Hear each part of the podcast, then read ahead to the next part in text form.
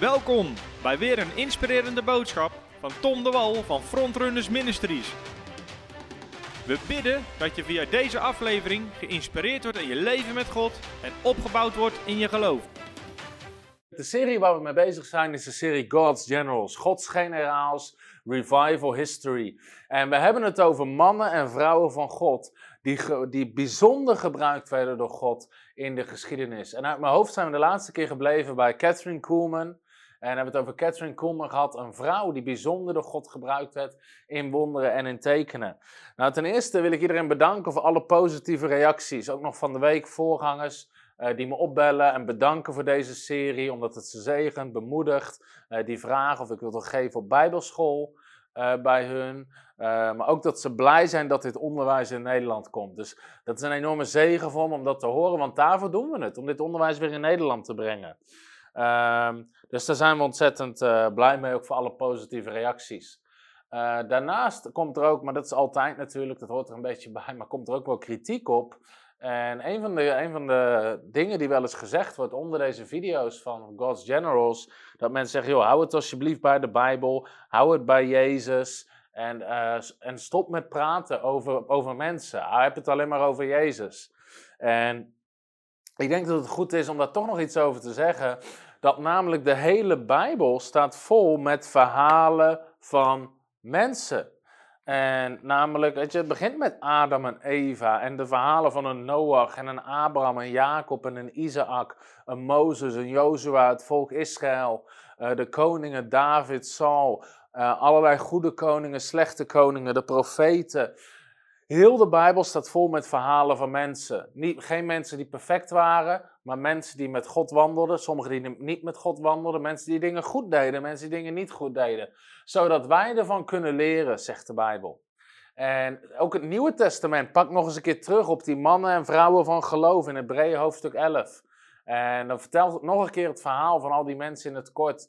En dan zegt de Bijbel ook in Hebreeën, wees navolgers van hen die door geloof en geduld de belofte beërven. En het Nieuwe Testament staat verhalen over Petrus en Johannes en Jacobus en, en, en al die discipelen. En, en, mensen in het boek Handelingen zoals Stefanus en een Agabus en, een, en een, allemaal dat soort mensen. Dus de hele Bijbel vertelt de verhalen van mensen. En voor ons is het ook enorm inspirerend en leerzaam om de verhalen van mensen te lezen en ervan te leren. En ons erdoor te laten inspireren. Dus dat is de reden dat we dit doen. Um, en ook vanavond, vanavond wil ik het hebben over uh, een bijzondere man van God. En zijn naam was William Branham. William Branham. En hij leefde van 1909 tot en met 1965. En hier zie je twee foto's van hem. Op de rechtse foto is een licht boven zijn hoofd te zien. En daar ga ik vanavond nog het een en ander over vertellen. Even in het kort, voordat ik wat dieper inga op zijn levensverhaal. William Branham is een bizar verhaal. Hij wordt wel genoemd een van de grootste opwekkingspredikers ter wereld die ooit geleefd heeft. Hij had eigenlijk nog meer genezingen dan een John G. Lake of een Catherine Kuhlman. Er gebeurden bizarre wonderen en tekenen. Hij had enorm scherpe woorden van kennis, waarbij die mensen hun naam, adres, dat soort dingen opnoemden. Um, rare soms bijna wonderen en tekenen van engelen die verschenen in diensten. Uh, uh, zoals dat licht op de foto wat verscheen. En dat was ver voor Photoshop trouwens, die foto. Um, maar het is ook een bizar verhaal met een triest einde. Want uiteindelijk eindigt hij verkeerd. Uh, maar doet hij in de laatste vijf seconden van zijn leven nog een van de grootste wonderen. En dus bizarre dingen. En naar dit verhaal, naar deze man, gaan we kijken in deze uitzending van Voice of Fate. Nogmaals, zijn naam is William Branham. En ik ga ook verhalen vertellen van wonderen. En er waren, toen ik dit ging bestuderen, weer zijn leven, ik kwam zoveel wonderen tegen dat ik ze niet eens allemaal goed heb kunnen lezen, omdat het er gewoon zo gigantisch veel waren. Om alvast even vooruit te lopen, hij had één jaar met meer dan 35.000 genezingen. En dat telden ze alleen degene die door artsen geregistreerd werden. Uh, dus niet, eh, dus niet, nog niet eens alle andere mensen die niet bij een dokter zaten of zo. Dus sommige jaren meer dan 35.000 geregistreerde genezingen. Dat is het verhaal van William Branham. Nou, William Branham het is een bizar verhaal, zoals ik al zei. Maar het was ook, laat ik dat vooropstellen, het was een bizarre man van God. En als je getuigenissen over zijn leven opzoekt van geestvervulde mensen, zoals een T.L. Osborne, Daisy, Daisy Osborne, en de kom ik allerlei interviews tegen, ook van mensen die hem ontmoet hebben, mannen en vrouwen, vrouwen van God, predikanten en voorgangers. Allemaal hebben ze groot respect voor hem, noemden ze hem profeet en een man van God. Eh, maar hij had wel een bizar leven eigenlijk. En dat begon al bij zijn geboorte. Toen eh, William Branham geboren werd, was zijn moeder was pas 15 jaar oud. En zijn vader was 19, uiteindelijk groeide ze op in een gezin met negen kinderen. Maar hij groeide letterlijk op in een van de armste gezinnen van Amerika. Ze waren de armste van de armste. Ze woonden in een houten hut en hebben een foto van. Ehm, en die houten hut had niet eens ramen, dat hadden ze niet eens. Eh, er lag niet eens een vloer in. Het lag gewoon rechtstreeks op de grond. Het had alleen maar een kleine opening eh, en een houten luik waarmee het gesloten werd. En hij werd geboren op 6 april 1909 in Kentucky. En op de dag van zijn geboorte gebeurt er al iets bijzonders. Zijn ouders waren niet christelijk. En toen zijn moeder dus, maar zijn moeder was 15 toen hij geboren werd. En toen hij geboren werd, hij had ook geen bed. Sterker nog, tot en met zijn zevende levensjaar volgens mij, ik staat ergens in mijn aantekeningen, hadden ze niet eens geld eh, voor schoenen, voor een t-shirt. Dus even om aan te geven hoe arm ze waren. Hij had niet eens een shirt aan. Ehm, op de dag van zijn geboorte, hij wordt geboren, hij had ook geen bed. Hij werd eigenlijk bijna in een soort kribbe gelegd, zou je kunnen leggen, zeggen. Ze hadden een paar planken op elkaar gelegd, eh, getimmerd. En dat is hoe hij geboren werd, daar waar hij ingelegd werd. En op de dag van zijn geboorte gebeurt er iets bijzonders. En zijn ouders hebben dat verhaal verteld. Zijn oma, de buren, er waren meerdere mensen bij bij zijn geboorte om te ondersteunen. En allemaal bevestigen ze dat verhaal. Dat toen, toen Branham geboren werd en, en in, zijn, in zijn houten bed of kist werd gelegd eigenlijk als baby, kwam er een wervelwind door dat houten luik heen van licht. En dat licht dat bleef boven de, dat bedje hangen. En eigenlijk zou, weet je, zou je kunnen denken, wat, wat, wat is dat? En het was een bovennatuurlijke verschijning, waar, waar dus meerdere keren in zijn leven gebeurde dat. En uiteindelijk krijgt hij nog negen eh, broertjes en zusjes. En, ehm, en wat zijn familie toen nog niet besefte, was dat deze jongen gigantisch door God gebruikt zou worden om letterlijk werelddelen te veranderen. En eh, nogmaals, hij groeide op in een arm gezin. Er was, was geen geld voor kleding. Er waren geen opleidingen. Ze konden niet lezen. Ze konden niet schrijven. En, en dat is eigenlijk bijna een kenmerk geweest hoe God tot Branham begon te communiceren. Want het was een bijzondere roeping op zijn leven. Alleen Branham was niet christelijk opgevoed. Hij had nog nooit iemand horen bidden. Hij wist niet hoe hij moest bidden. Hij kon niet, geen Bijbel lezen. Ze hadden geen geld voor een Bijbel, maar hij kon ook niet lezen. Dus eigenlijk wist hij van helemaal niks. En als hij zeven jaar oud is, dan moet hij ehm, eh, als, als kind, op een gegeven moment moet hij water gaan halen, water gaan pompen voor zijn gezin. En hij gaat dan water halen en dan gaat hij even onder een boom zitten om uit te rusten. En dat is eigenlijk de tweede ervaring, ontmoeting die hij heeft met God. Want terwijl hij onder die boom zit en het is totaal windstil en hij zit voor zich uit te kijken, merkt hij een enorme wind die door die boom heen raast. En als hij dan opkijkt, dan hoort hij in één keer de hoorbare stem van God. En de stem van God zegt tegen hem: Je mag nooit drinken, je mag nooit roken, je mag je lichaam op geen enkele andere manier vervuilen, want ik heb een werk voor jou te doen als je ouder bent. Dat is de stem van God die hij hoort. Maar hij weet niet dat het God is. Nogmaals, zijn ouders zijn niet christelijk, hij kan niet lezen, hij kan niet schrijven, hij heeft nog nooit iemand horen bidden. Maar hij hoort de hoorbare stem van God die dat tegen hem zegt.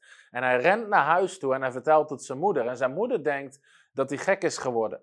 Maar door zijn hele leven heeft Branham dat soort bijzondere ervaringen met God. En, ehm, en later, gedurende zijn leven, terwijl hij opgroeit als tiener, uh, hier zie je net een foto van zijn jeugd. Uh, beschrijft hij ook dat hij een aantal keer verleid wordt om. Zijn vader was trouwens een alcoholist, om alcohol te drinken of te roken. Maar iedere keer als hij dat wilde doen, kwam die hoorbare stem van God weer terug en besloot hij om het niet te doen. En als kind had hij al bijzondere ervaringen waarvan hij toen nog niet wist dat het God was. En een van die bijzondere ervaringen die uh, William Branham had, is, is dit verhaal. Hij, eh, een tijd na die ervaring dat hij de stem van God hoorde, eh, was hij aan het spelen met knikkers. En hij beschreef dat hij een soort apart gevoel kreeg van binnen. Dus hij bleef een tijdje op de grond zitten en ze woonden langs een rivier. En dat was de Ohio-rivier.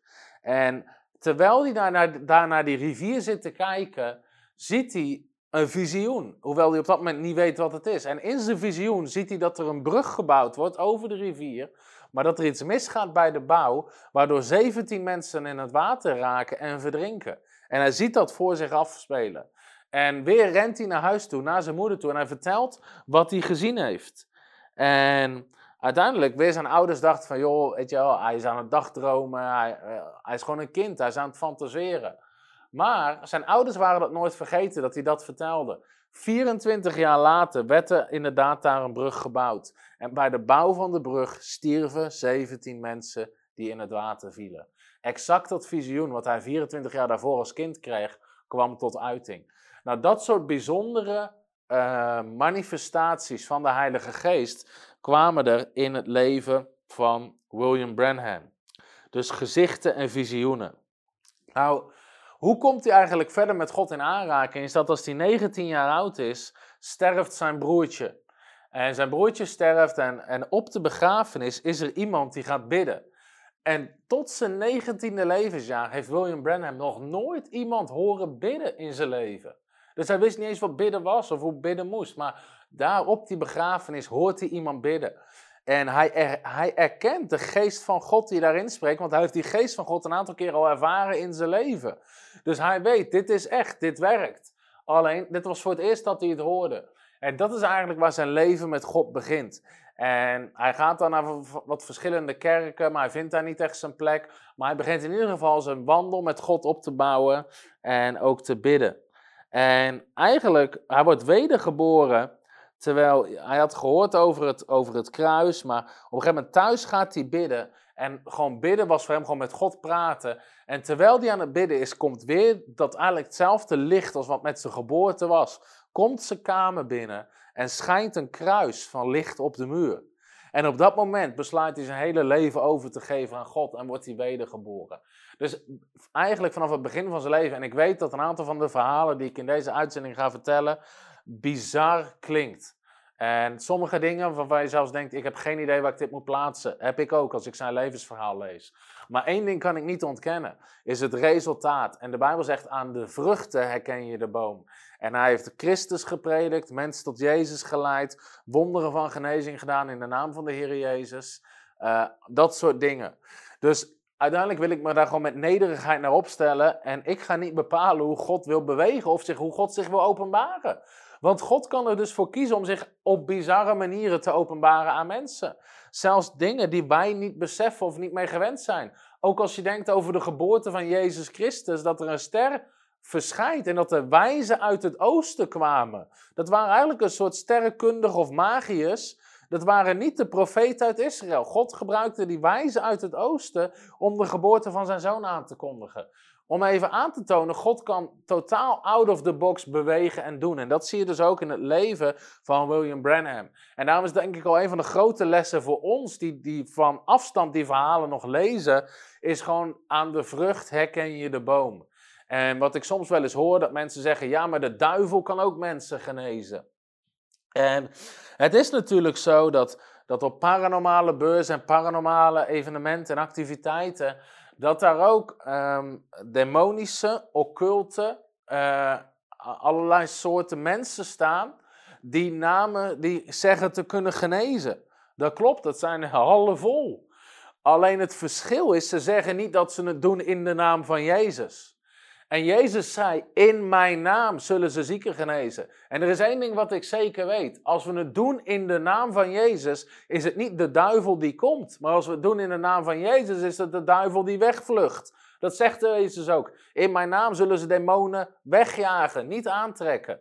Dus kijk naar welke bron gebruikt iemand. Is Jezus degene die die aanbidt, die de verhoogt?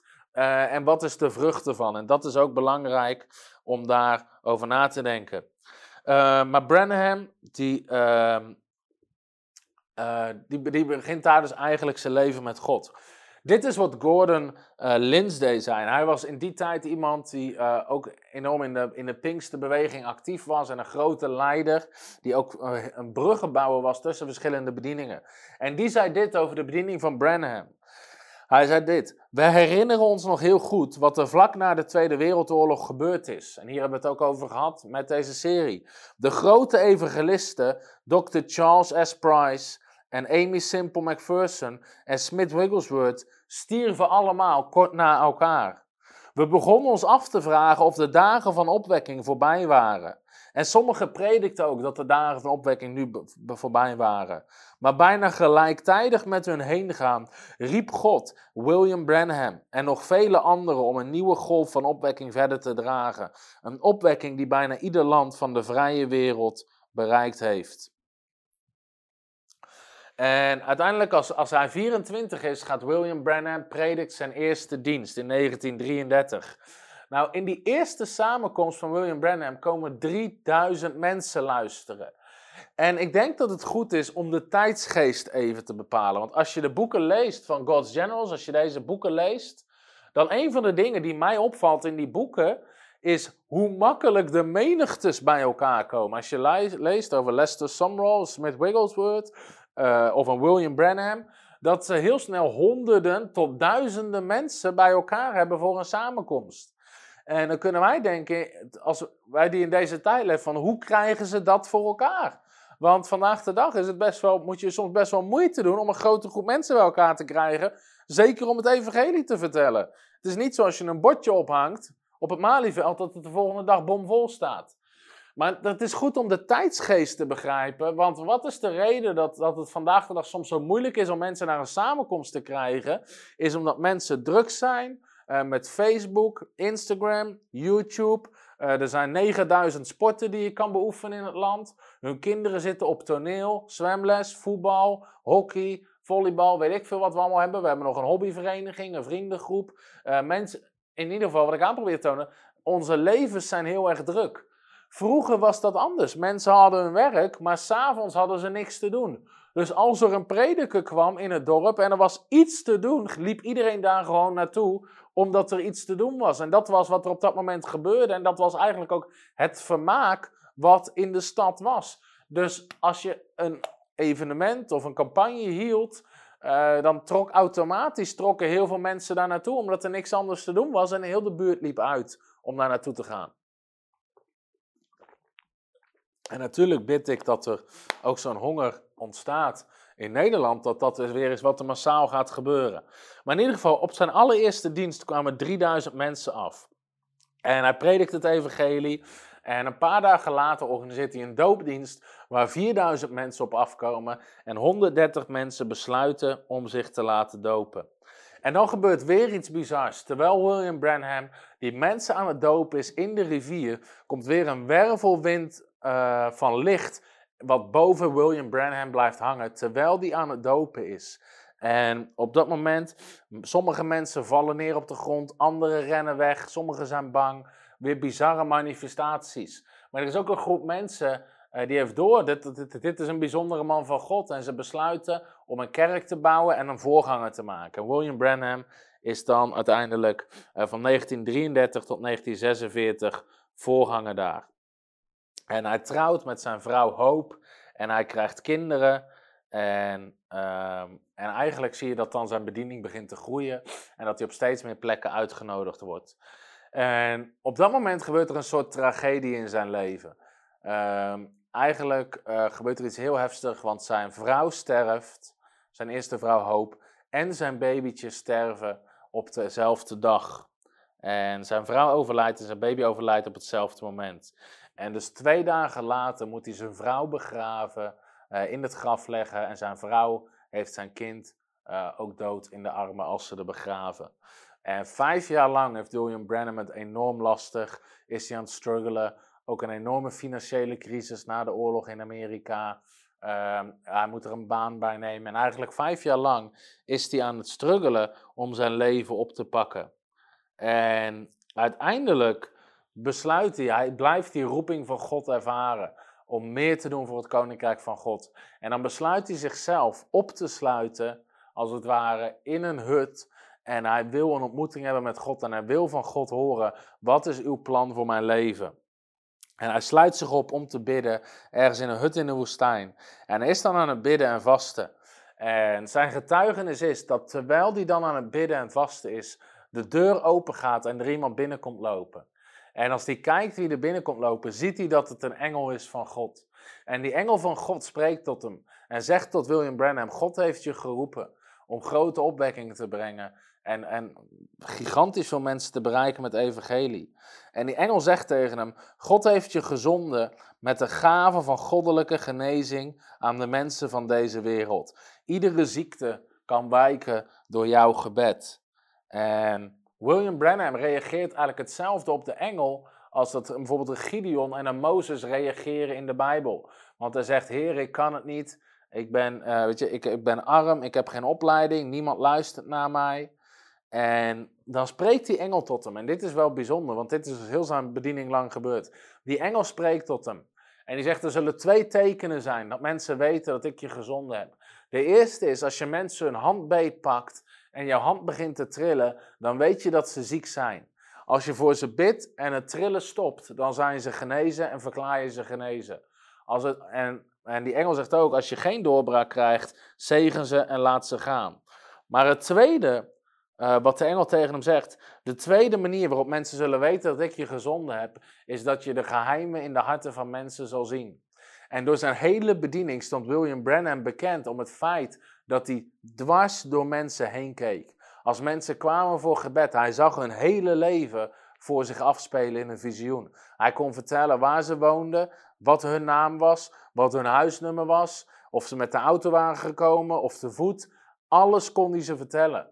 En, en soms ook zonde in de harten van mensen, waar ze zich niet van willen bekeren of waar, wat ze achterhielden naar God openbaarde die. Deed die los van de microfoon. Ehm, maar dan gaf hij mensen de kans om zich te bekeren.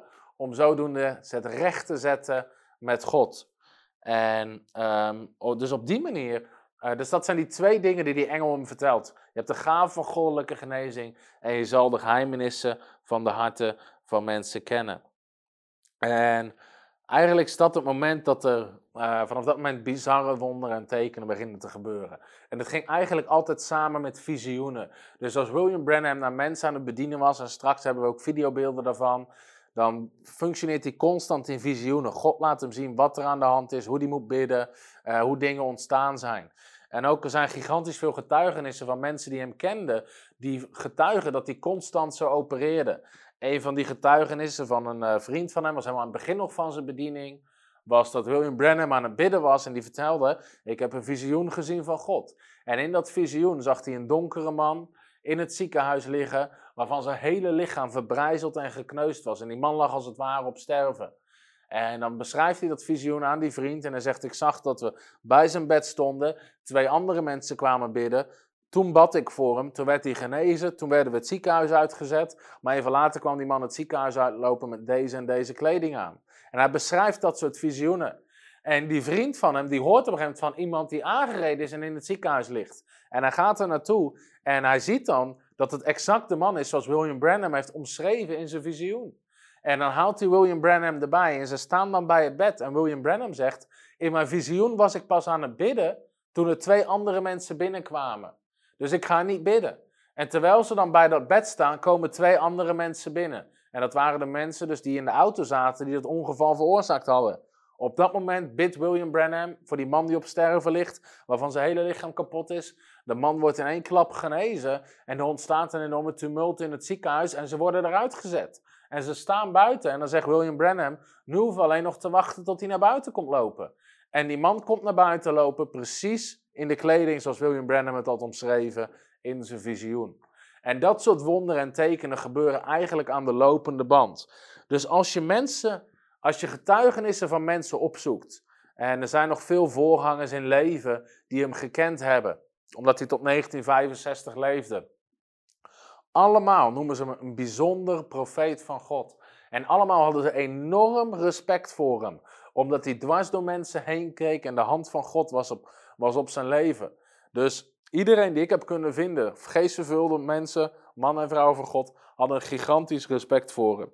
En eigenlijk begint zijn bediening uh, begint dan alleen maar te groeien en uit te breiden. Ik ga zo meteen nog wat meer uh, verhalen vertellen uh, daarover. Maar goed, vanaf dat moment begint William Branham voor de zieken te bidden en beginnen de wonderen te gebeuren.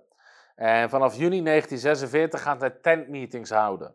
En de tenten staan zo vol dat mensen buiten massaal staan om mee te luisteren. Ongekende wonderen gebeuren. De lammen kunnen lopen, de blinden zien, de doven horen. Mensen die al twintig jaar blind zijn kunnen weer zien. En zelfs doden worden opgewekt in zijn meetings. En dat waren de wonderen die aan de lopende band gebeuren. En hier zie je uh, wat beelden van samenkomsten van stadions. Uh, onderin zie je Durban, South Africa, waar die gigantische uh, impact heeft gehad. Een hele menigte. Dus op die foto links ehm, zie je ook de mensen die op bedden lagen. En er zijn wel meer foto's. Ik heb ze niet allemaal in hoge kwaliteit kunnen vinden, die we makkelijk in onze video's kunnen laten zien.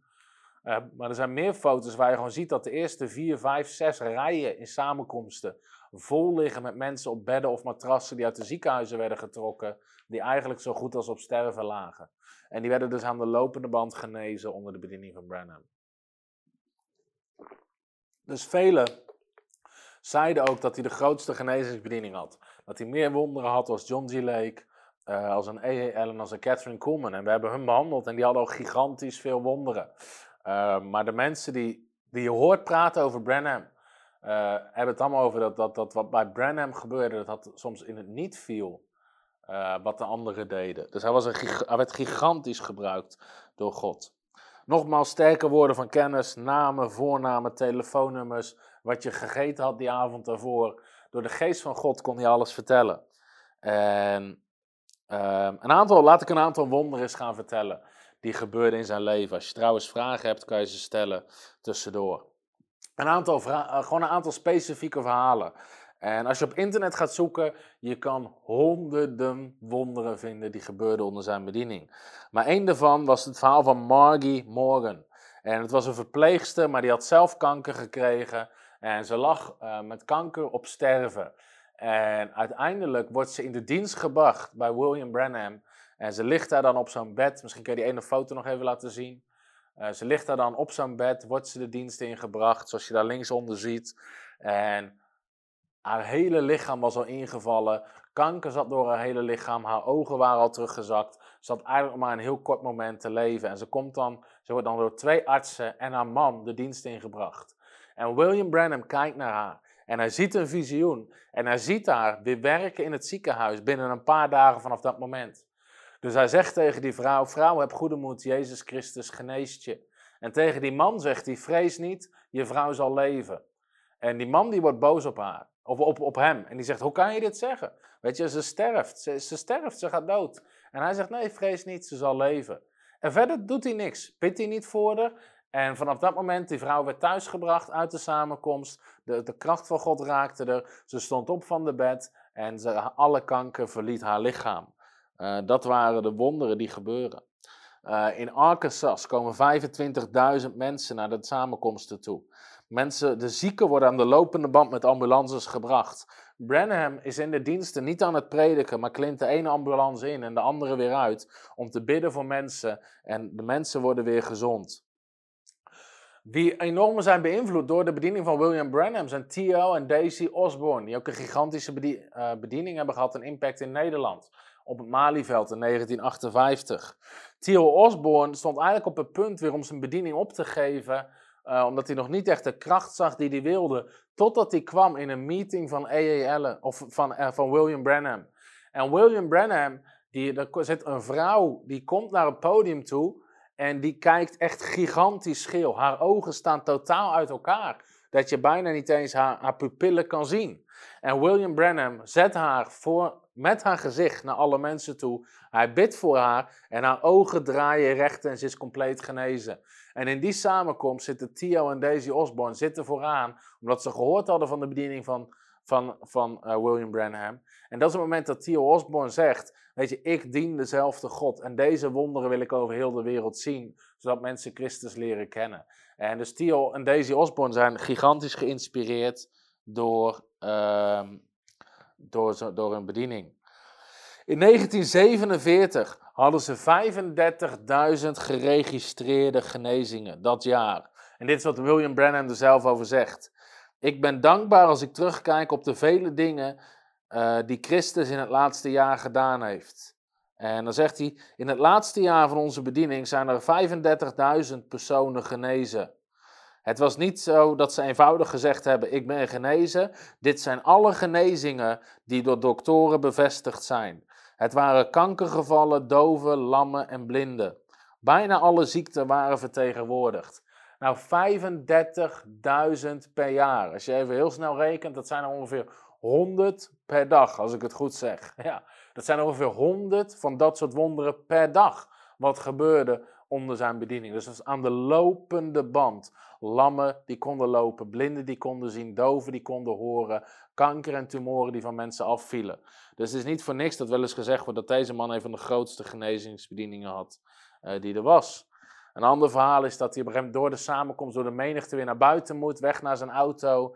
En dat er iemand begint te roepen: genade, genade, heb genade. Maar iedereen wil bij hem komen en aandringen. Dus hij moet echt door een hele groep mensen weggeleid worden naar zijn auto toe.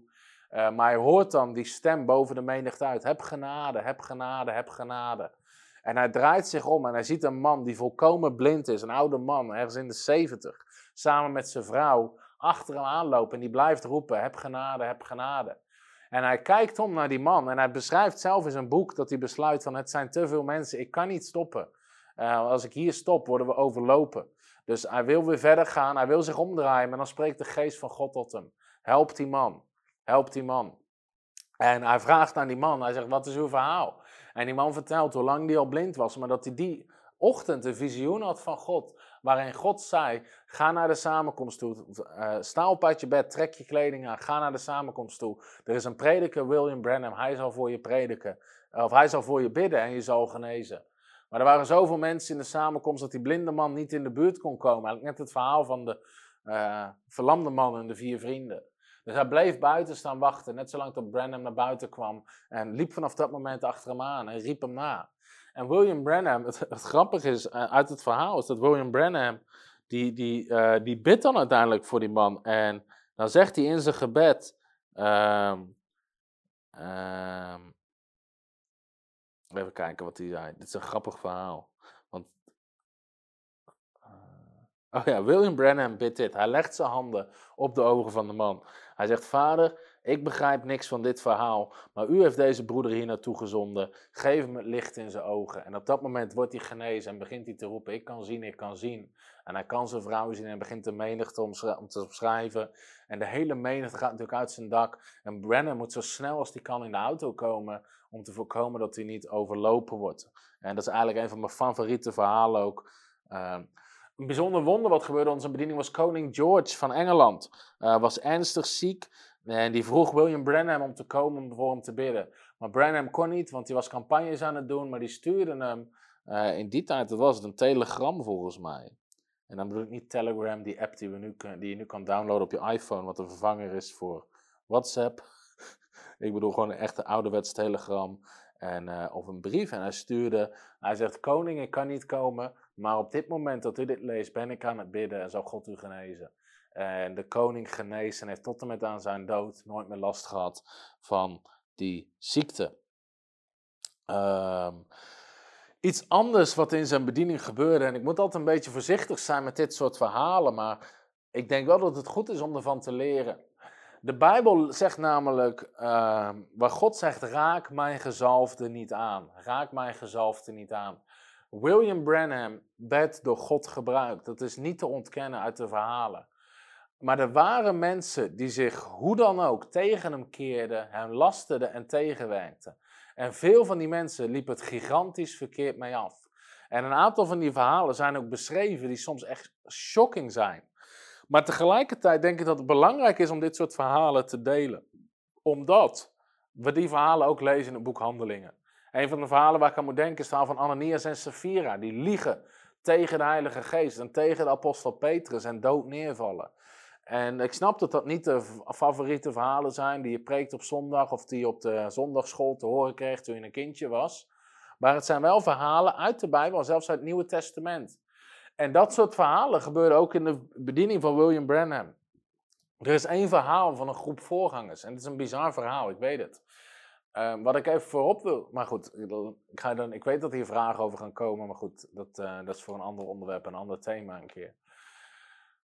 Op een gegeven moment ging hij een campagne doen in een bepaalde stad om mensen te winnen voor Jezus. En een groep voorgangers was het tegen dat William Branham kwam.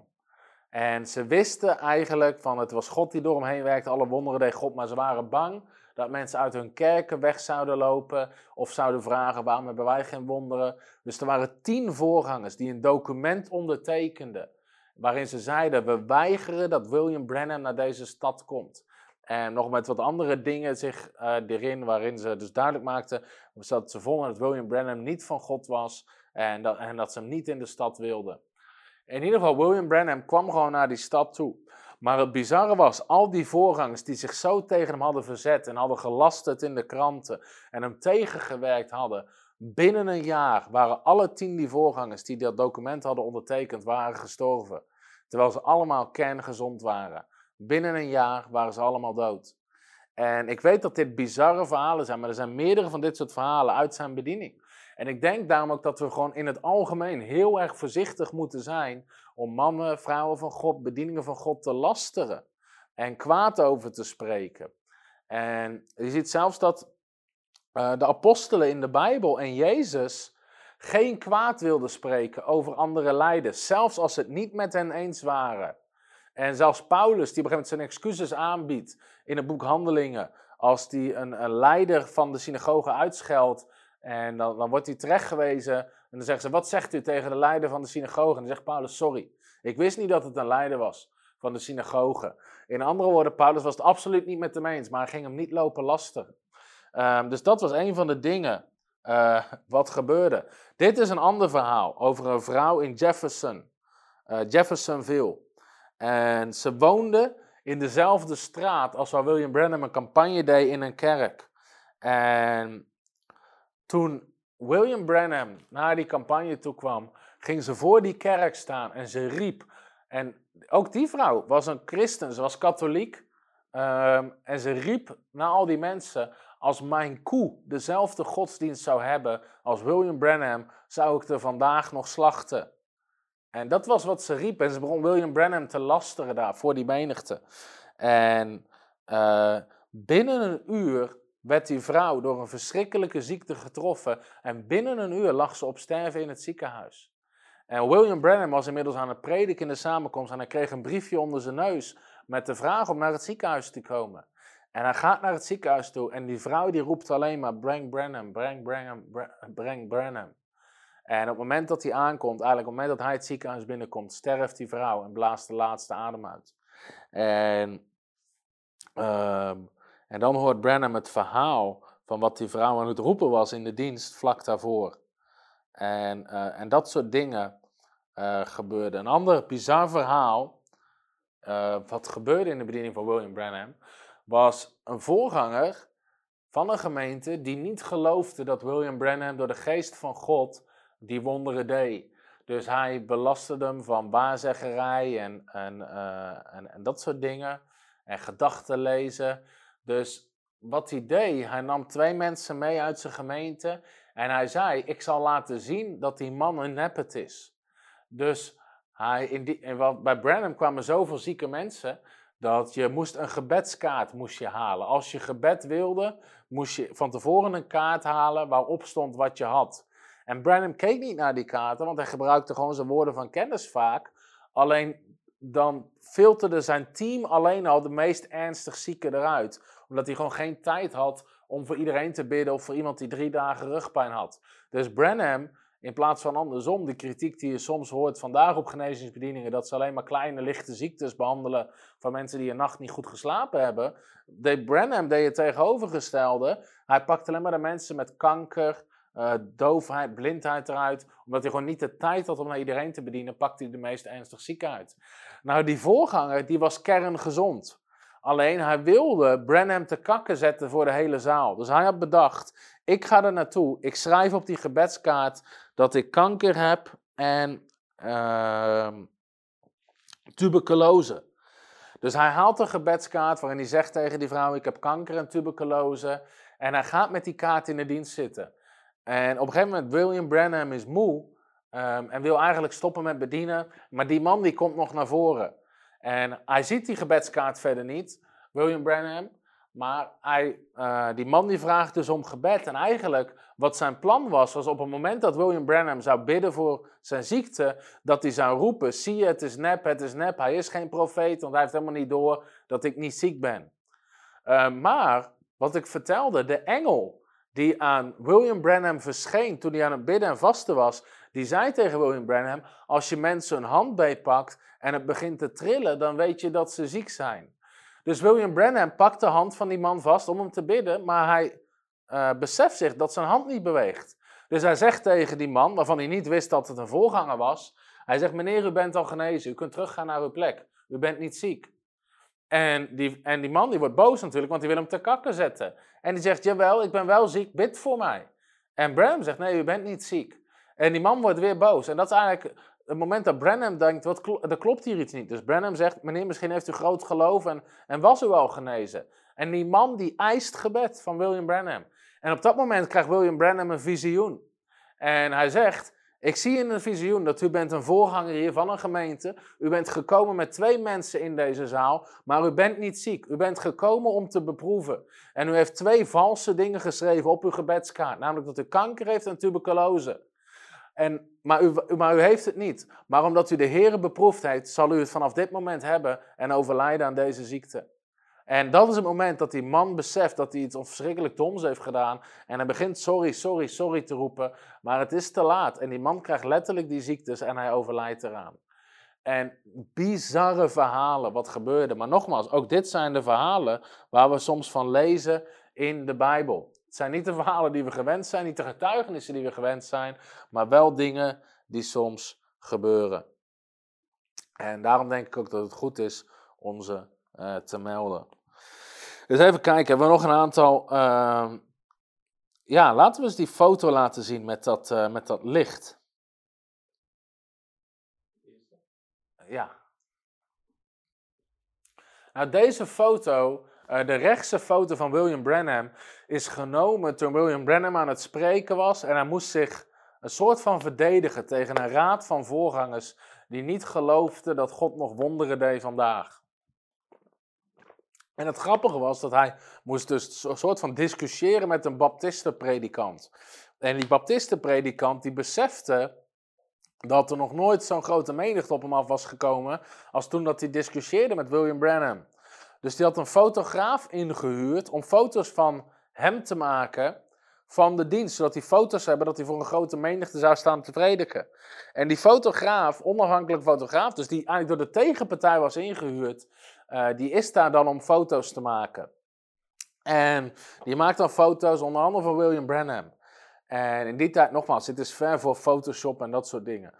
En die fotograaf die gaat dan aan het eind van het debat naar huis en die ontwikkelt die foto's. En die komt erachter dat alle foto's die hij gemaakt heeft mislukt zijn. En heeft geen idee waarom. En er is maar één foto gelukt. En dat is deze foto waar William Branham op staat met een licht boven zijn hoofd. En dat is dus hetzelfde licht als waarvan Branham een aantal keer vertelde in zijn leven dat het licht aan hem verscheen. Bij zijn geboorte, toen hij de stem van God hoorde, toen hij wedergeboren werd, et cetera. En die fotograaf, en het grappige is, je kan, hier, je kan hier artikelen van vinden op internet. Die fotograaf wist niet wat hij ermee moest en hij besefte dat niemand zou geloven uh, dat dit echt was. Hoewel, nogmaals, dit is ver voor de tijd van foto's bewerken en Photoshop. Dus wat hij deed, hij gaf meteen dat fotorolletje aan het hoofd van de FBI, die dit soort zaken onderzoekt, of dat foto's en, en documenten echt zijn. En de FBI heeft dus deze foto onderzocht en ze gaven het terug met de conclusie: we kunnen niks anders uh, concluderen dan dat dit een echte foto is en dat er een licht boven zijn hoofd hangt. En die foto ging rond in heel Amerika, wat nog meer eigenlijk bekendheid en exposure gaf aan zijn uh, bediening. Dit is, uh, iemand vroeg net, wat is je favoriete verhaal van William Branham? En, en ik denk dat dit hem uh, misschien wel is. Um, William Branham, nogmaals, hij kreeg vaak visioenen. En, een van de, en soms waren het niet visioenen die direct uitkwamen, dus schreef die op. En hij had een visioen staan voor in zijn Bijbel. En in dat visioen voor in zijn Bijbel uh, stond dit. Um, het zal geschieden dat een negenjarige jongen door een auto gedood wordt. Het zal in een rotsachtige omgeving zijn die met een kleine kruipplant met lichtblauwe bloempjes begroeid is. De wagen zal beschadigd dwars over de straat liggen. De jongen draagt kniekousen en heeft kort haar. Zijn ogen zullen verdraaid zijn en alle beenderen in zijn lichaam gebroken. En dat is dus een visioen wat William Branham voor in zijn Bijbel had staan. En jaren later is hij op voor een campagne in Finland. En hij rijdt daar dan met die voorgangers en wat andere mensen van zijn campagne terug naar huis. En in één keer voor hun uh, is een ongeluk gebeurd. En exact wat hij jaren daarvoor in het visioen zag, heeft zich afgespeeld. En, in en, en, het was zo, de politie was er al, ambulance was er al, zelfs de burgemeester was gekomen, omdat er een jongen van negen jaar was overleden. En William Branham stapt dan uit zijn auto en loopt er naartoe en beseft dat hij dit gezien heeft. Dus hij gaat er naartoe, hij zegt wie er is, wie hij is. Hij pakt zijn Bijbel en hij laat die mensen het visioen lezen. En hij zegt, kijk, dit is wat de geest van God mij jaren geleden heeft laten zien. Laat me bidden voor die jongen. En hij loopt op die jongen af. Hij bidt voor die jongen. En die jongen komt tot leven en zijn hele lichaam geneest in één klap. En bizar wonder van God en een groot getuigenis. Uh, dat zijn een aantal verhalen uh, van wonderen. Er zijn er nog veel meer. Misschien dat ik er zo meteen nog wel een paar ga delen. Maar uh, even kijken, gaan we nog iets. Ja, even een andere foto. die foto dat William Branham naast die oude man zit. Ik denk dat de derde foto is. Waar ze met z'n tweeën zitten. Um, de man die je hier links op de foto ziet met de witte hoed. De rechter is William Branham. De linker is F.F. Bosworth. F.F. Bosworth was een van de eerste genezingsevangelisten, die ook veel over het onderwerp predikte. F.F. Bosworth is de auteur van het boek Christ the Healer. Een enorm bekend boek. Je kan het vandaag nog overal bestellen. Je kan het ook gratis aanvragen. Gewoon, tenminste, gewoon, ik, als je Christ the Healer PDF googelt, vind je het boek. En F.F. Ehm, Bosworth was hier al op leeftijd. Maar hij zei dit over William Branham. Meer dan 30 jaar werkte ik en bad ik voor de zieken en de lijdenden. 14 jaar lang hadden een radioprogramma en we kregen in die tijd ongeveer 250.000 brieven van mensen die vroegen om gebed. Duizenden mensen schreven ons per dag dat ze een wonder uh, nodig hadden en ook dat ze genezen waren. Omdat dit werk ons bovenmate opeiste, baden wij voor God tot God voor meer arbeiders in de oogst en de bediening van genezing. En, dik, en toen zag hij William Branham. En toen zegt hij dit. Dikwijls huilde ik van blijdschap over de gave die God onze geliefde broeder William Branham geschonken had. Dit overtrof verreweg ons verzoek. Nog nooit had ik zoiets gezien of gehoord. En nog nooit zoveel waren de genezen als onder de bediening van William Branham. Um, ik kan nog allerlei verhalen van getuigenissen delen over een jongen die genas van klompvoeten, mensen die genezen uh, van kanker, mensen die scheel zien, leukemie, uh, mensen die, waarvan hun hele longen waren weggevreten door kanker, die genezen waren. Uh, soms hele samenkomsten waar gewoon mensen achter elkaar genazen. Ehm, laat ik nog één stukje voorlezen. Tegen het einde van een samenkomst als William Branham geen tijd meer had, wees hij dikwijls snel naar verschillende mensen en zei: Wees genezen, wees genezen, wees genezen, wees genezen. Waarbij de een naar de ander genas. Mensen wierpen hun kruk omhoog, konden weer lopen, sprongen op hun voeten. Dat soort demonstraties waren onbeschrijfelijk. Um, in een bepaalde samenkomst ging een jongen op zijn voeten staan en rennen die nog nooit had kunnen lopen. Um, en, en de jongen vertelde van zijn wonder. Um, regelmatig werden er achter elkaar blinden, doven en stommen genezen. Dus dat soort wonderen gebeurden er. Nou, tegelijkertijd kan je ook voorstellen dat William Branham gigantisch veel kritiek kreeg op zijn bediening. Uh, van de manier waarop hij opereerde. Uh, uh, mensen dachten dat hij een gedachtenlezer was en dat hij of van de duivel zou zijn. Nou, voordat ik iets ga vertellen over het einde van zijn bediening, nogmaals, ik heb verteld, het einde van zijn bediening is eigenlijk wat triest gegaan. Maar Ehm, we hebben hier wel ongeveer 10 minuten lang beelden van William Branham, die aan het bedienen is naar de zieken, waarin je ziet dat hij constant met woorden van kennis functioneert. En uh, die gaan we nu even laten zien. Dus nu komt de video van William Branham, die ongeveer 10 minuten lang, het zijn verschillende video's achter elkaar, aan het bedienen is naar de zieken, voor mensen bidt, functioneert in uh, woorden van kennis en woorden van genezing. Om even een idee te krijgen bij hoe die functioneerde, hoe die sprak. Het is helaas niet ondertiteld, het is in het Engels, maar ik hoop dat dat voor de meeste mensen geen moeite is. Maar ik wil je toch deze beelden van deze man van God niet onthouden. Now we are be strangers. I see that you are strictly a stranger to me. You're from away from here. You come from another city. You've got a lot of trouble on your heart. You got hard trouble to begin with. Is that right? There's a whole lot of blackness. I see a black sheep keep following you like that. Oh, it's a lie. Somebody told a lie on you. And that was a man was professing divine healing. He said you was a witch. Is that true? And you, you got a whole stir in your church or something other about it, isn't that right? Your pastor's sick right now. He's got polio. Is that right? Sister, don't pay no attention to what them people tell you. They're a lying. And the only thing's wrong with your heart, that nervous condition got your heart worked up. Go on home in peace, and God bless you. You're all right. God bless you. You're not over. You're, you've had a, I see a great crash of some sort. It's Yes. an accident. Yes, yes. And you, Yes. it was a car uh, wreck. Yes. And you were thrown in the air Yes. like that. Yes. And it's strained you in somewhere in your neck and it's caused a, a cancer to Yes. come into your neck. Uh, or, and you're some sort of a teach in the scripture. And you believe that Jesus Christ makes you well. I do. Father God, in the name of thy Son, Jesus Christ, on the authority of God's word by a dying woman, I ask this evil thing to leave her. Satan, you are exposed. So come out of the woman as the church of the living God calls for you to leave in the name of Jesus Christ. Amen. Thank you. Thank you. Now, sister, just a moment. I just want to talk to you. Of course, you know it's gone now. Oh, yes. It'll stay that way. See how your throat left? Oh, yes. Mhm. Praise the It's Lord. all gone from her. The, the garter has left her throat, and she. God bless you. Go on your road now and be thankful, happy and rejoice, and, be. Mhm. Of course, you're sick, and you're suffering with uh, a condition. It's a it's a dark spirit around you. It's death, and it's in a form of cancer, and the cancer is located on the breast.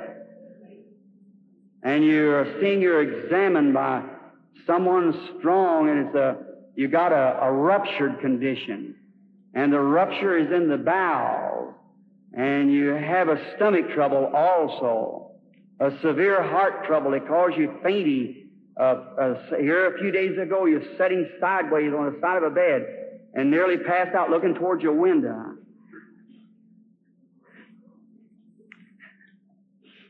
Are those things the truth? Yes, That all was true. all true.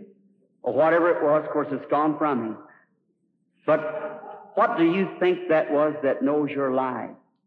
Was it Jesus Christ? You accept it to be that? Yes. Thank you. And I believe You're willing, you know that something supernatural is here. Yes. And if you believe it to be the Lord Jesus, as I have preached it out of the Word, and you believe it to be the Lord Jesus, Yes, I do. I know there's a dark spirit still hanging at you yet. It's something very serious. Say, I see you. Your name is uh, Eva, Yes.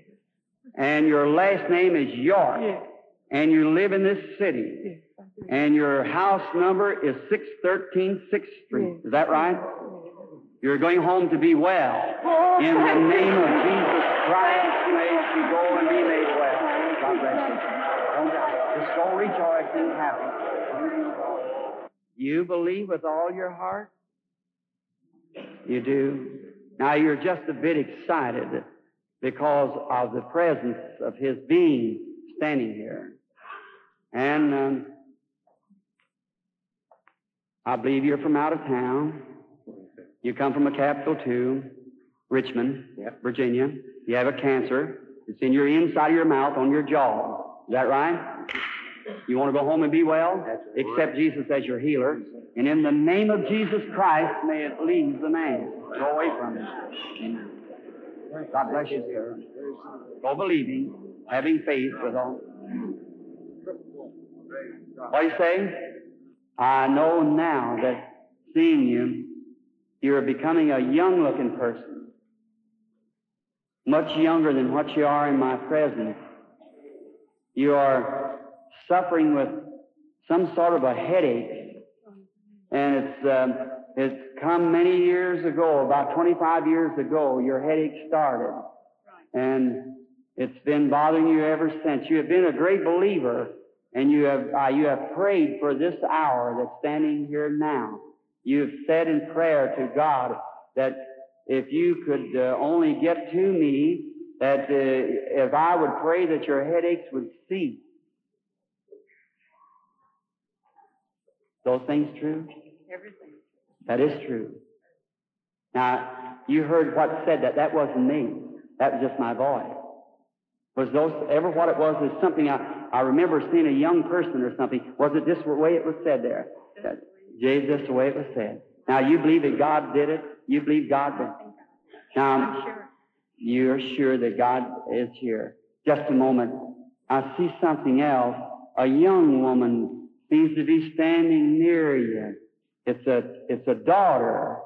And, um, yes, you was just fixing to go on a trip somewhere. You were going to see her. And she's from Indiana. Richmond, Indiana is where she lives. And she, her husband is a minister.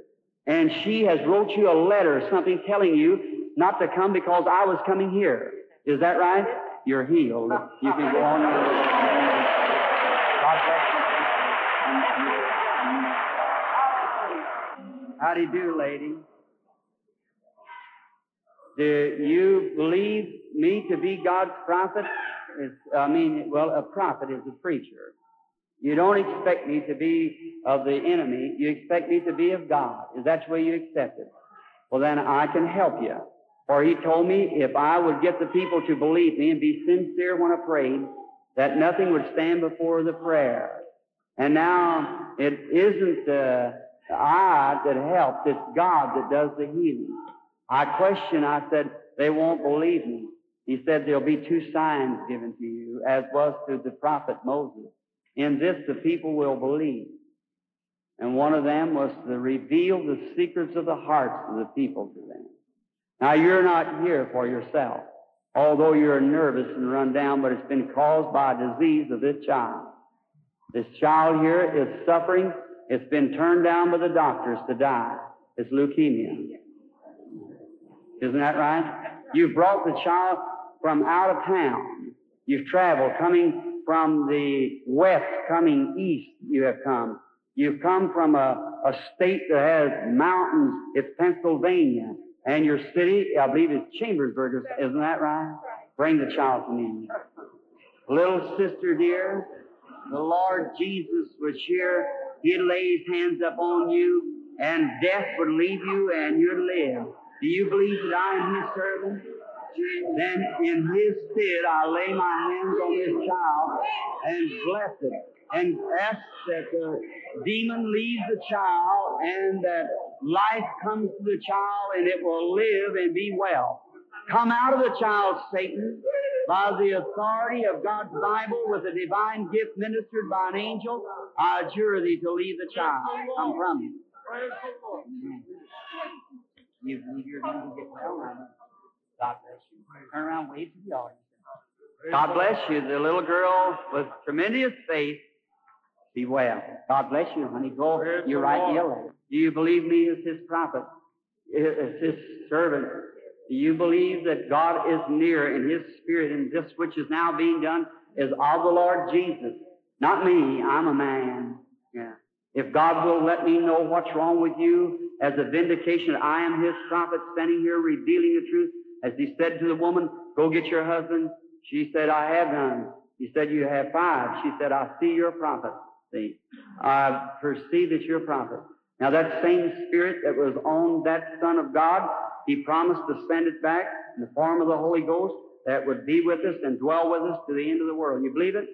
If he can know your troubles now, can he? You got heart trouble. Is that right? Every person with heart trouble, stand to your feet. You can be healed right now, no matter what it is of the heart trouble. Lord God, Thou knowest our strength and how feeble we are and how weak. But Lord, we know how strong You are. And heart trouble is something our doctors cannot do anything by. But Lord, who made the heart? You did. And I now rebuke this demon power that's holding these people with heart trouble. May he come out of every one of them in the name of Jesus Christ. Amen. God bless you, sister. I just want to say something to you. You feel different now than you felt in a long time, haven't you? I so the people know there's a real dark spirit. You had bad stuff when you lay down. That, and now it's gone from you. You're healed. You, I just told you. Yes, sir. You are. All right. How do you do, sir? All right, us being strangers one to another, but the Lord Jesus knows us both. Is that right? God of heaven, who created the heavens and earth, dwells in Jesus Christ, promised to return again in us. And what he done, we'd do also. Do you believe me to be his prophet? The reason I say that, the angel of the Lord told me, get the people to believe you. And if they won't believe you, then you'll know the very secrets of their heart and they'll have to believe it then. But you do believe me. And besides the reason that you do believe me, you are a minister of the gospel yourself. And you're here for a good cause. You're not sick, you're in need, and you want an old-fashioned revival to break in your community. That's what you're bringing. Every one of us wants that. Let's all stand for an old-fashioned revival. Almighty God who created the heavens and earth, I ask now that every demon's power in this building will be broken. The power of Jesus Christ be made manifest. Lord, weak, but we're not defeated. Satan, I adjure thee in the name of the Lord Jesus Christ. Come out of the people. Stand up, you crippled people, out of the wheel. Oké, dat waren wat beelden. Ik heb er zelf wat geselecteerd, gewoon eventjes uh, om te laten zien, om een beetje een impressie te geven van hoe zo'n dienst van Branham eruit kon zien. En uh, dit is eigenlijk, ik heb vooral wat stukjes gepakt met ontzettend veel woorden van kennis, waarvan je dus ziet dat hij aan de lopende band die visioenen vertelt, met allerlei ja, geheimenissen van mensen die onmogelijk kan weten. En waar hij gewoon heel rustig volgens voor de mensen bidt en achter elkaar mensen genezen. Uh, dus hij werd op een bijzondere manier gebruikt. En ik geniet altijd zelf om, om beelden te zien van een Catherine Kuhlman of een A.A. Allen of een William Branham. Allemaal op een eigen manier. Maar ik denk gewoon dat voor iedere christen is het goed om het gezien te hebben en om het in ieder geval vanaf te weten en, en gewoon dat eens mee te maken. Dus dat is, dat is gewoon prachtig dat we dat kunnen zien. Uh, ik zal zo meteen nog wat vragen beantwoorden ook die, uh, die mensen stellen. Um, het einde, ik heb al iets een beetje door laten schijnen over zijn einde, dat helaas eigenlijk verkeerd afgelopen is. Hoewel hij dus nog op het laatste moment van zijn leven een van de grootste wonderen ooit doet. En de reden dat het op een gegeven moment verkeerd afloopt, is dat vanaf 1955 gaat het steeds minder goed met William Branham. Uh, zijn campagnemanager die alles regelde, organiseerde, over de financiën ging, van alles en nog wat deed, uh, die besluit ermee te stoppen. En hij was zelf, William Branham was zelf een enorm slechte organisator. En, um, en als zijn campagnemanager stopt, uh, probeert hij nieuwe mensen om zich heen te verzamelen. Uh, maar eigenlijk zijn het allemaal mensen die ja knikken tegen hem, hem niet durven tegen te spreken. Terwijl Branham zelf dus enorm slecht was in organiseren en financiën en dat soort dingen. Dus keer op keer worden er op dat gebied eigenlijk fouten gemaakt. En eigenlijk is dat ook een, een hele hele mooie les dat niemand kan het in zijn eentje. Hoe groot de kracht van de geest op je leven ook is, hoe groot de openbaringen ook zijn. We hebben elkaar nodig. En niet iedereen heeft dezelfde gave. De een heeft de gave om te prediken, uh, woorden van kennis en genezing. Terwijl misschien an, iemand anders de gave heeft, zoals de Bijbel zegt, van leiding geven of organiseren. En die gaven vullen elkaar aan en zijn dus ook allebei belangrijk. En in het leven van Branham zie je dus dat de ene wegvalt en dat het daarna steeds verder instort. Waardoor Branham in zijn evangelisatiebediening steeds meer moeite, tegenstand krijgt, uh, dingen soms slecht uitpakken. En dan maakt Branham eigenlijk een grote fout. Namelijk dat hij besluit dat hij een andere roeping wil. Hij wil niet meer functioneren als evangelist en grote campagnes doen. Hij wil gaan functioneren in het ambt van een leraar en allerlei geheimenissen prediken, zoals hij dat zelf ziet en, en ontrafelen. En daar gaat het eigenlijk de mist in. En de allergrootste les uit het leven van William Branham is: blijf bij de roeping waar God je voor geroepen heeft. Blijf bij de roeping waar God je voor geroepen heeft.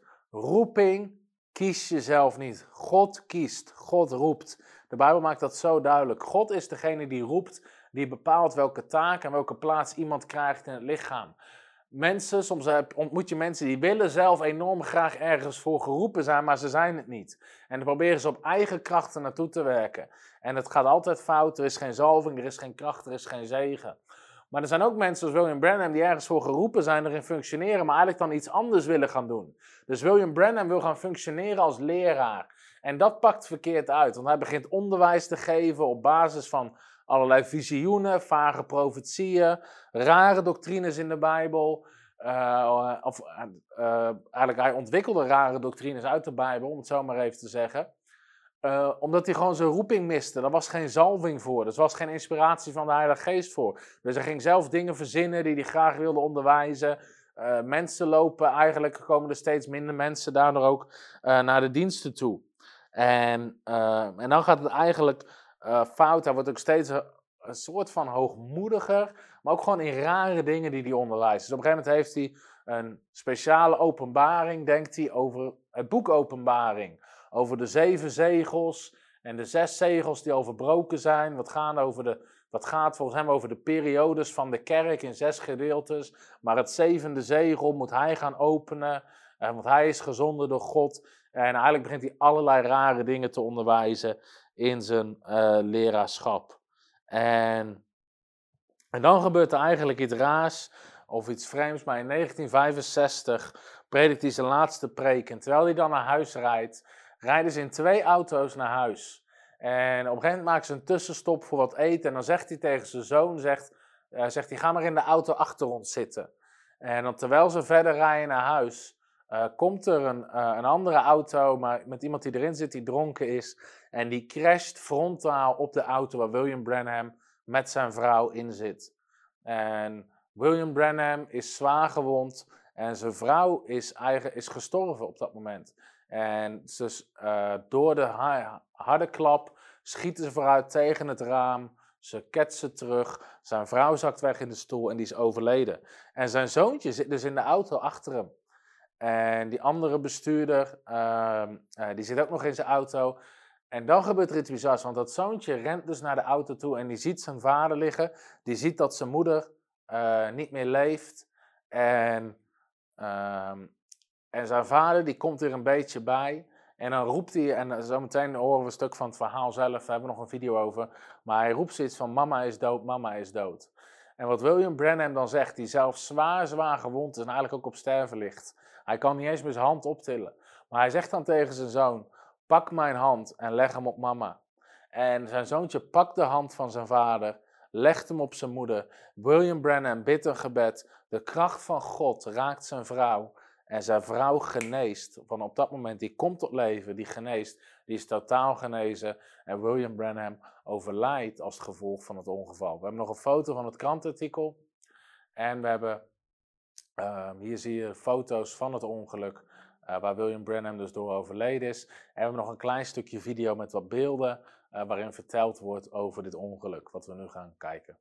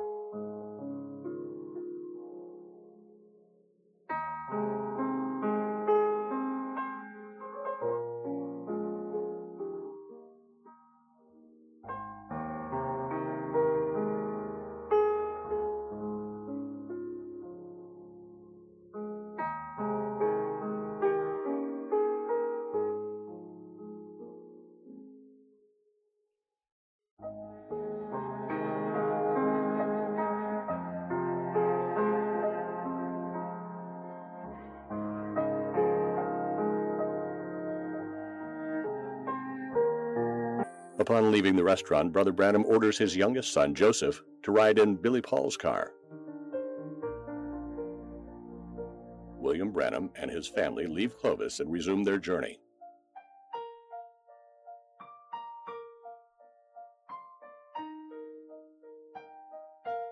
It's 7 p.m.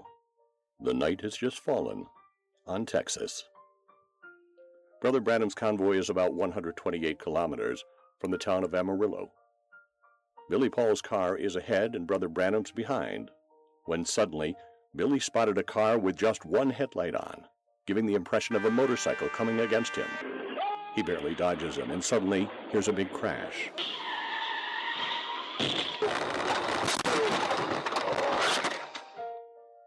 It's the collision. The inevitable has just happened.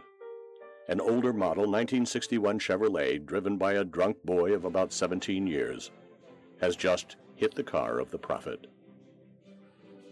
The accident is serious. Brother Branham finds himself between life and death, his head passing through the windshield, his left arm and elbow stuck in the door, and his leg wrapped around the axis of the steering wheel. Meta, on the other side, found herself under the dashboard, on the right side of the car, almost dead. But Brother Branham took this hand and ran it back through the windshield and said, Put her hand in mine. And he prayed something like this Lord, help us in our hour of need. Don't let mommy die. And Sister Branham came to life. Ja, dus dat is, eh, dat is wat stukjes over een documentaire over zijn leven. Waar dus ook nog eh, zijn zoon heeft verteld hoe dat laatste stuk ging. Eh, dat zijn moeder eh, weer genas. Dus het is een bizar verhaal. Ik denk dat we misschien zoveel het beste leven van William Branham kunnen omschrijven. Bizarre, om, een bizar begin van zijn leven, zijn geboorte, zijn opgroeien onder bizarre omstandigheden, bizarre ervaringen en ontmoetingen met God, bizarre wonderen, maar ook een bizar einde. Waarin uiteindelijk hij uit de bescherming en zegen van God raakte, omdat hij ging wandelen in iets wat niet zijn roeping was, zich ontrok eigenlijk aan de zegen, stierf in een auto-ongeluk, maar op het laatste moment nog zijn vrouw geneest. En dus het, het is een verhaal waar je gewoon een keer van gehoord moet hebben. En waar we ons ook door kunnen laten inspireren, want het laat wel iets zien van de kracht van God. En een gigantische generaal van God, in het leger van God. Uh, maar ook weer de waarschuwing, wat Hebreeën ons al zegt, let op het einde van iemands levenswandel. En uh, die tekst staat in Hebreeën 13, uh, uit mijn hoofd, vers 7. Even kijken hoor. Ik denk dat ik hem hier heb in mijn aantekeningen. Ja, Hebreeën 13, vers 7. Denk aan uw voorgangers die het woord van God tot u gesproken hebben. Let op de uitkomst van hun levenswandel. Dus het is niet voor niks dat de Bijbel dat zegt. Um, ik even kijken. Ik zag nog één vraag waar ik wel iets over wilde uh, zeggen. Uh, Daniel vraagt: wat hebben al deze generaals met elkaar gemeen en wat kunnen we daarvan leren? Nou, een van de lessen die je dus ziet in al deze mannen en vrouwen van God en ook in het leven van William Branham, een honger en een dorst naar God en de kracht van God. En ook William Branham zette weer tijd apart om te bidden, vasten, God zoeken. En hij besloot ook: ik ga niet weg hier uit deze hut in de woestijn tot ik een ontmoeting heb met God. En hij kreeg een ontmoeting met God. En dat getuigenis hoor je eigenlijk in alle verhalen van mannen en vrouwen van God die door God gebruikt worden. Er is een honger en dorst naar de kracht van God om hun generatie te bereiken met de kracht van God, met wonderen en tekenen. En ook dat zie je in het leven van William Branham en van, van al die generaals. Uh, ik hoop dat je gezegend bent en genoten hebt van deze uitzending van Voice of Faith. Als je nog niet geabonneerd bent op ons YouTube-kanaal, abonneer dan op ons YouTube-kanaal. Daarnaast uh, komt ons worship album Er is meer bijna uit. Begin juni gaat die uitkomen. Volg ons op Facebook, Instagram, YouTube. Want dat album wordt echt super vet. Hij komt ook op Spotify. Uh, dus daar komt eigenlijk de eerste frontrunners aanbiddingsmuziek waar we ontzettend blij mee zijn.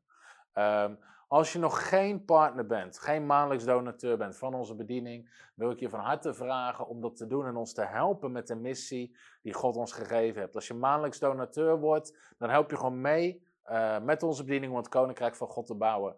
En zoals je wel ziet in onze bediening, we doen ontzettend veel. We hebben de afgelopen maand meer dan 10.000 boeken verstuurd over het onderwerp genezing. We doen dit soort video's, Voice of Faith. We brengen worship albums uit. We hebben 250 studenten op onze part-time bijbelschool. We prediken over, het hele, over de hele wereld het evangelie. We hebben een honger en een dorst en een verlangen om onze generatie bekend te maken met de kracht van God, met het woord van God, om in Nederland het vuur van de geest te zien, wonderen en tekenen en het woord van God wat radicaal en recht gepreekt wordt. Als je daarin mee wil helpen, zegt, hey, ik wil steunen jullie missie, ik wil ook deel hebben aan die zegen, aan die vrucht, wil ik je vragen, word maandelijks donateur. En als je maandelijks donateur wordt van Frontrunners, uh, dat werkt twee kanten op. Jij zegent ons, maar wij zegenen ook jou. We sturen je alle nieuwe boeken die ik schrijf, uh, sturen we je toe. Het worship album. Wij willen onze donateurs ook gewoon zegenen. En iedereen die donateur is van Frontrunners kan dat beamen. Uh, denk ik dat we je altijd proberen te zegenen op iedere manier die we kunnen. Dus je krijgt nieuwe producten, cd's, worship albums, magazines. Uh, je krijgt toegang tot www.bijbelschool.tv, waar je onze bijbelscholen met meer dan 200 video's op afstand kan volgen. Uh, dus om het zo maar te zeggen, ook jij wordt als donateur enorm gezegend. Dus als je nog geen donateur bent, wil ik je vragen om mee te helpen. Help ons mee het Koninkrijk van God te bouwen. Ga naar www.frontrunnersministries.nl slash partners of klik op de link onder deze video. Word partner van de bediening en help ons mee. Ontzettend fijn dat je weer gekeken hebt deze week. God zegen en we hopen je snel weer ergens te zien. Tot de volgende keer. Hallo, Tom de Wol hier en bedankt dat je weer geluisterd hebt naar onze podcast. Ik bid dat het je geloof gebouwd heeft en je bemoedigd bent. Als je niet alleen een luisteraar van onze boodschap wil zijn, maar ook een verspreider daarvan, wil ik je uitnodigen om partner te worden van Frontrunners. Door jouw maandelijkse donatie help je ons om dit evangelie van Jezus Christus en het woord van God over heel de aarde te brengen. Om partner te worden, ga naar www.frontrunnersministries.nl slash partners en word partner. Hartelijk bedankt en tot snel. Heb je ook zo genoten van deze inspirerende boodschap van Tom de Wal?